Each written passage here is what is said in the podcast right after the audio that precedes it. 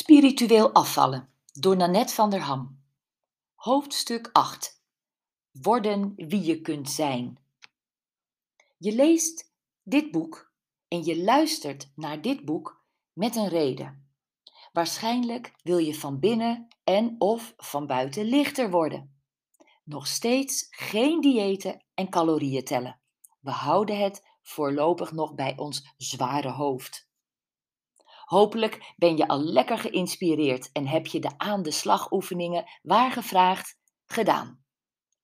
Ik heb geopperd dat zaken pas prettig gaan als we er minstens net zoveel aandacht, tijd, liefde en geld aan besteden als we doen aan de zaken die wel lekker lopen in ons leven. We hebben een weekurenschema ingevuld om te ontdekken of we uren over hebben om aandacht aan te schenken aan afvallen op een spirituele manier, waarbij we liefde voor ons lijf bovenaan stellen. Voordat we aan dit grote project konden beginnen, moesten we puinen ruimen, ballast uit de weg ruimen, die ons weerhoudt van onze goede voornemens. We zijn simpelweg in de keuken begonnen en inmiddels zul je alle kamers van je huis onder handen hebben genomen. De dertig rituelen, die eerder genoemd werden, geven ons plezier, maar ook richting.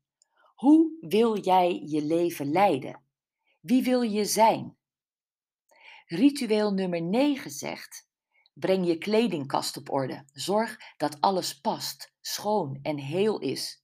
Makkelijk gezegd als je te zwaar bent in je lijf. Wees realistisch. Wanneer ga je deze broek weer dragen? Is de mode ondertussen niet veranderd? En belangrijker, ben jij inmiddels niet veranderd? Vraag je, zoals het ritueel zegt, niet meer af of je de kleren nog past, maar of de kleren nog bij jou passen. Je bent ouder geworden, misschien van baan veranderd, hebt andere interesses, misschien kinderen gekregen. Kortom, je bent een ander mens. Kan het zijn dat deze kleding je herinnert aan een tijd dat je je licht en gelukkig voelde? Lichter en gelukkiger dan nu. Dan is dat de kern van de zaak. Een gedateerde garderobe past niet bij de herboren jij die tevoorschijn gaat komen. Pijnig jezelf niet langer en geef die kleren aan de kringloop, de zak van Max aan iemand die ze wel zal dragen. Neem de leiding. Ritueel 26 van het vorige hoofdstuk zegt: besteed aandacht aan je echte vriendschappen. Laat tijdvretende vage kennissen los. Dit klinkt in eerste instantie hard, maar ik weet vrijwel zeker dat je snapt wat ik bedoel. Je realiseert je inmiddels dat spiritueel afvallen niet een snel klusje wordt, maar een verbetering van je levensstijl is en dus permanent. Het citaat aan het begin van dit hoofdstuk is: Begin met het einde voor ogen. En het gaat over de leiding nemen, ook over je lijf en je persoonlijke leven.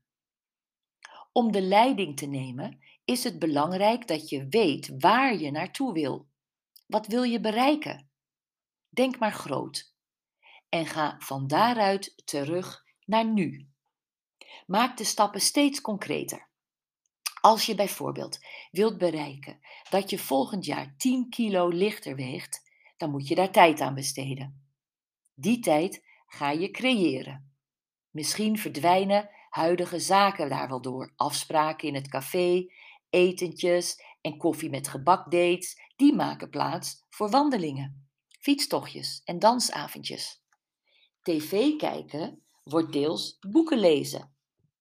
Of kijken vanaf je matje terwijl je rek- en strekoefeningen ligt te doen. Als je je elke dag voorhoudt wat je einddoel is, wat dat doel ook is, de geleide meditatie een paar bladzijden hierna zal je zeker helpen dat doel te vinden, zul je alles wat daar niet aan bijdraagt makkelijker uit je leven elimineren. En dat geldt ook voor vriendschappen die over de datum zijn en voor sociale verplichtingen die je ontgroeid bent. Het klinkt echt hard, maar ook zij kunnen zo'n ballast zijn. Ga eens na door middel van je adresboekje of e-mailcontactpersonen wie je nu echt als vriend wil houden. Wees eerlijk tegenover alle anderen. Het afbreken van een vriendschap die je meer energie kost dan oplevert, is niet altijd makkelijk. De waarheid is het beste, maar hoe breng je die zonder te kwetsen? Trek alle verantwoordelijkheid naar jezelf toe. Geef duidelijk aan dat jij momenteel in een fase van je leven zit, bijvoorbeeld door kinderen, baan, relatie, familieomstandigheden, of je geeft helemaal geen reden op. En dat je geen tijd en energie hebt om de vriendschap te onderhouden zoals dat zou moeten. Je meldt je als het ware af. Voor even of voor altijd, dat kun je in het midden laten. Beloof niets, maak geen afspraken. En waarom niet? Omdat je ballast kwijt wil. Nog explicieter, ballast in de vorm van lichaamsvet. En dat kost tijd en energie. In plaats van een afspraak met een vage kennis, had je een uur kunnen fitwalken, zwemmen, spelen met je kind, noem maar op. Het zou natuurlijk samen kunnen gaan. Dus stel, als je zin hebt, voor om samen te gaan zwemmen, lopen of spelen. Ken je het korte verhaal A Reason, a Season or a Lifetime? Het is een schrijven van een onbekende auteur dat al heel wat jaartjes op internet circuleert. Het zegt dat mensen om een bepaalde reden in ons leven komen. Soms voor een seizoen of voor een leven lang. En dat betekent dat relaties soms een houdbaarheidsdatum hebben en een houdbaarheidsdatum verloopt op den duur. Je weet hoe het gaat met dingen die over de datum zijn. Die gaan gisten of rotten. En dan is het tijd om er liefdevol afscheid van te nemen. Het gedicht is het mooist in het Engels te lezen.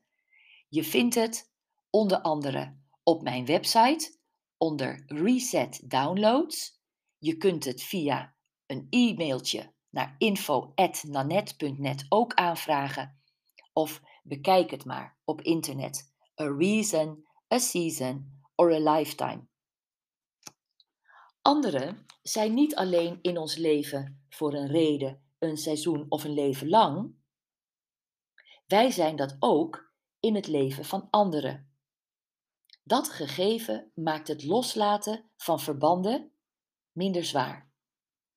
De kern van dit verhaal is om je te ontdoen van verplichtingen, je te omringen met energiegevers, niet met energienemers, ten behoeve van een lichter hoofd en lijf. Als je erg geniet van je wekelijkse koffieochtend bij een familielid, doen. Zo niet, schrappen. Schrappen, schrappen, schrappen. Verplichtingen aan anderen mogen op de lange termijn niet ten koste gaan van jezelf. Houd je eigen bron gevuld. Laat hem niet opdrogen. Je behoefte aan zelfontwikkeling. De Amerikaanse psycholoog Abraham Maslow is de grondlegger van de humanistische psychologie. Deze psychologiestroming gaat uit van theorieën die gebaseerd zijn op het bewustzijn en de vrije wil van de mens. Mensen zijn in staat eigen keuzes te maken. Ze hebben meer in huis dan dierlijke instincten en kunnen zich engageren in activiteiten die zowel hun eigen welzijn als die van de maatschappij verbeteren. De piramide van Maslow is beroemd. Deze piramide laat de behoeftehiërarchie van de mens zien. En de onderste laag, de basis, is de laag van de primaire fysiologische levensbehoeften: ademhalen, eten en drinken. Als deze behoeften zijn bevredigd, ontstaan er volgende traptreden van behoeften. Eerst fysieke veiligheid en dan ook emotionele geborgenheid, intimiteit en liefde. Na deze trap komt nog een sociale behoefte, namelijk die aan erkenning van anderen en bijbehorend zelfrespect.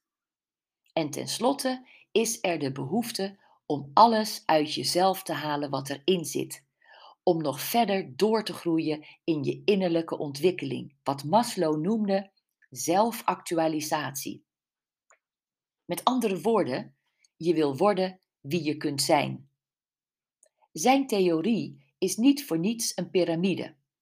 Zodra aan de onderliggende lagen van de behoeftehiërarchie niet of niet meer wordt voldaan, gaan we blijkbaar terug naar die onderliggende laag.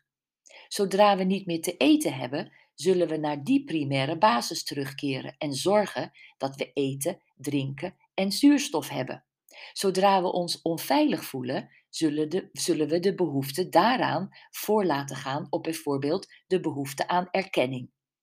Het is dus van belang om je basis op orde te hebben en vervolgens niet af te haken als aan je behoefte aan erkenning en waardering is voldaan. Want het zit in de mens om daarna nog een stapje hoger te willen stijgen en de behoefte aan zelfontwikkeling te bevredigen.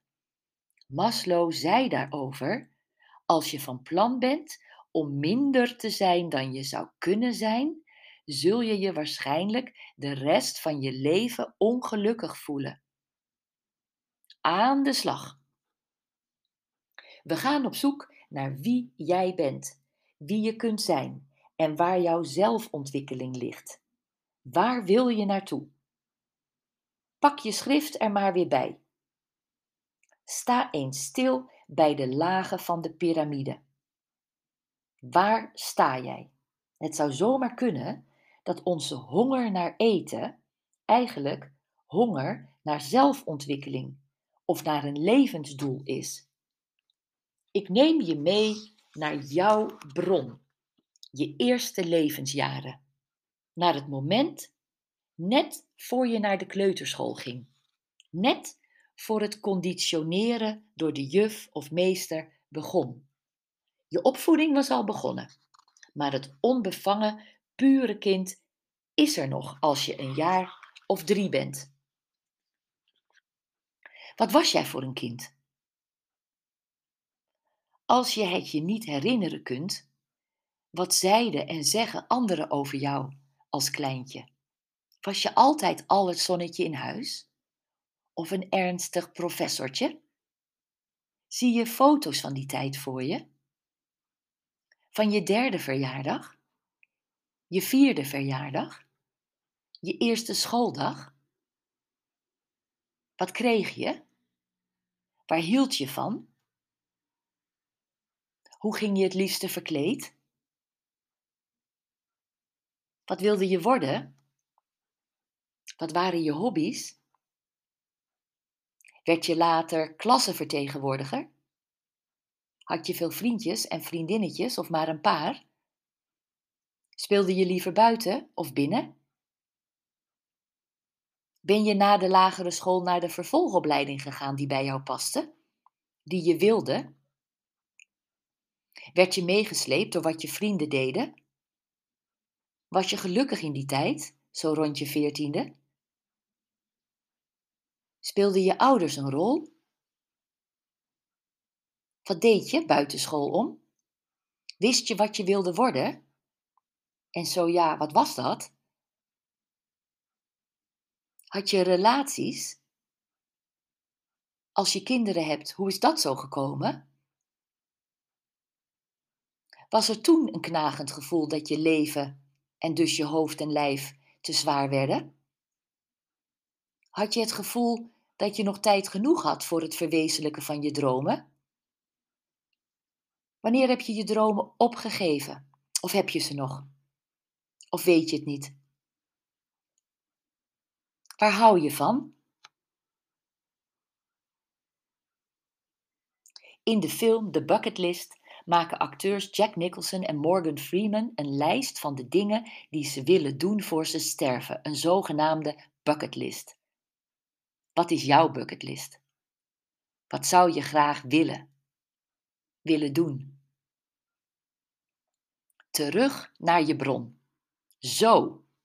Dit was in feite een geleide meditatie. Ik leidde je door je herinneringen. Je ging terug naar je oorsprong naar je bron. Als je je schrift erbij hebt onderstreep of geef nu met een markeerstift alle woorden aan die je zelf opgeschreven hebt en die echt bij jou horen. De dingen waar je blij van wordt en waar je hart een sprongetje van maakt. Dit zijn belangrijke handvatten. Het zijn de beschrijvingen en eigenschappen die bij jou, bij je authentieke zelf horen. En als die karaktertrekjes, passies, hobby's en omstandigheden op dit moment ver te zoeken zijn in je leven, kan dat wel eens de oorzaak zijn van je zware gevoel. Je bent te veel van jezelf afgedreven.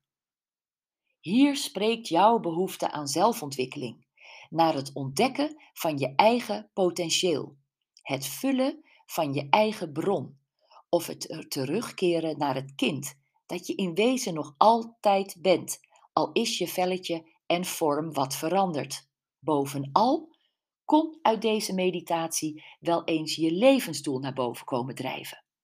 Ik geloof niet per se dat er maar één levensdoel bestaat. De doelen in je leven veranderen met de tijd of je maakt een omweggetje. Je richt je gedurende een bepaalde periode op een tussendoel en komt daarna weer bij je einddoel terug.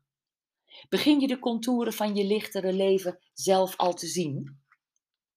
Zou je je niet veel blijer voelen als een paar van de ingrediënten die jij in je, in je schrift zelf noemt, als die in je leven aanwezig waren?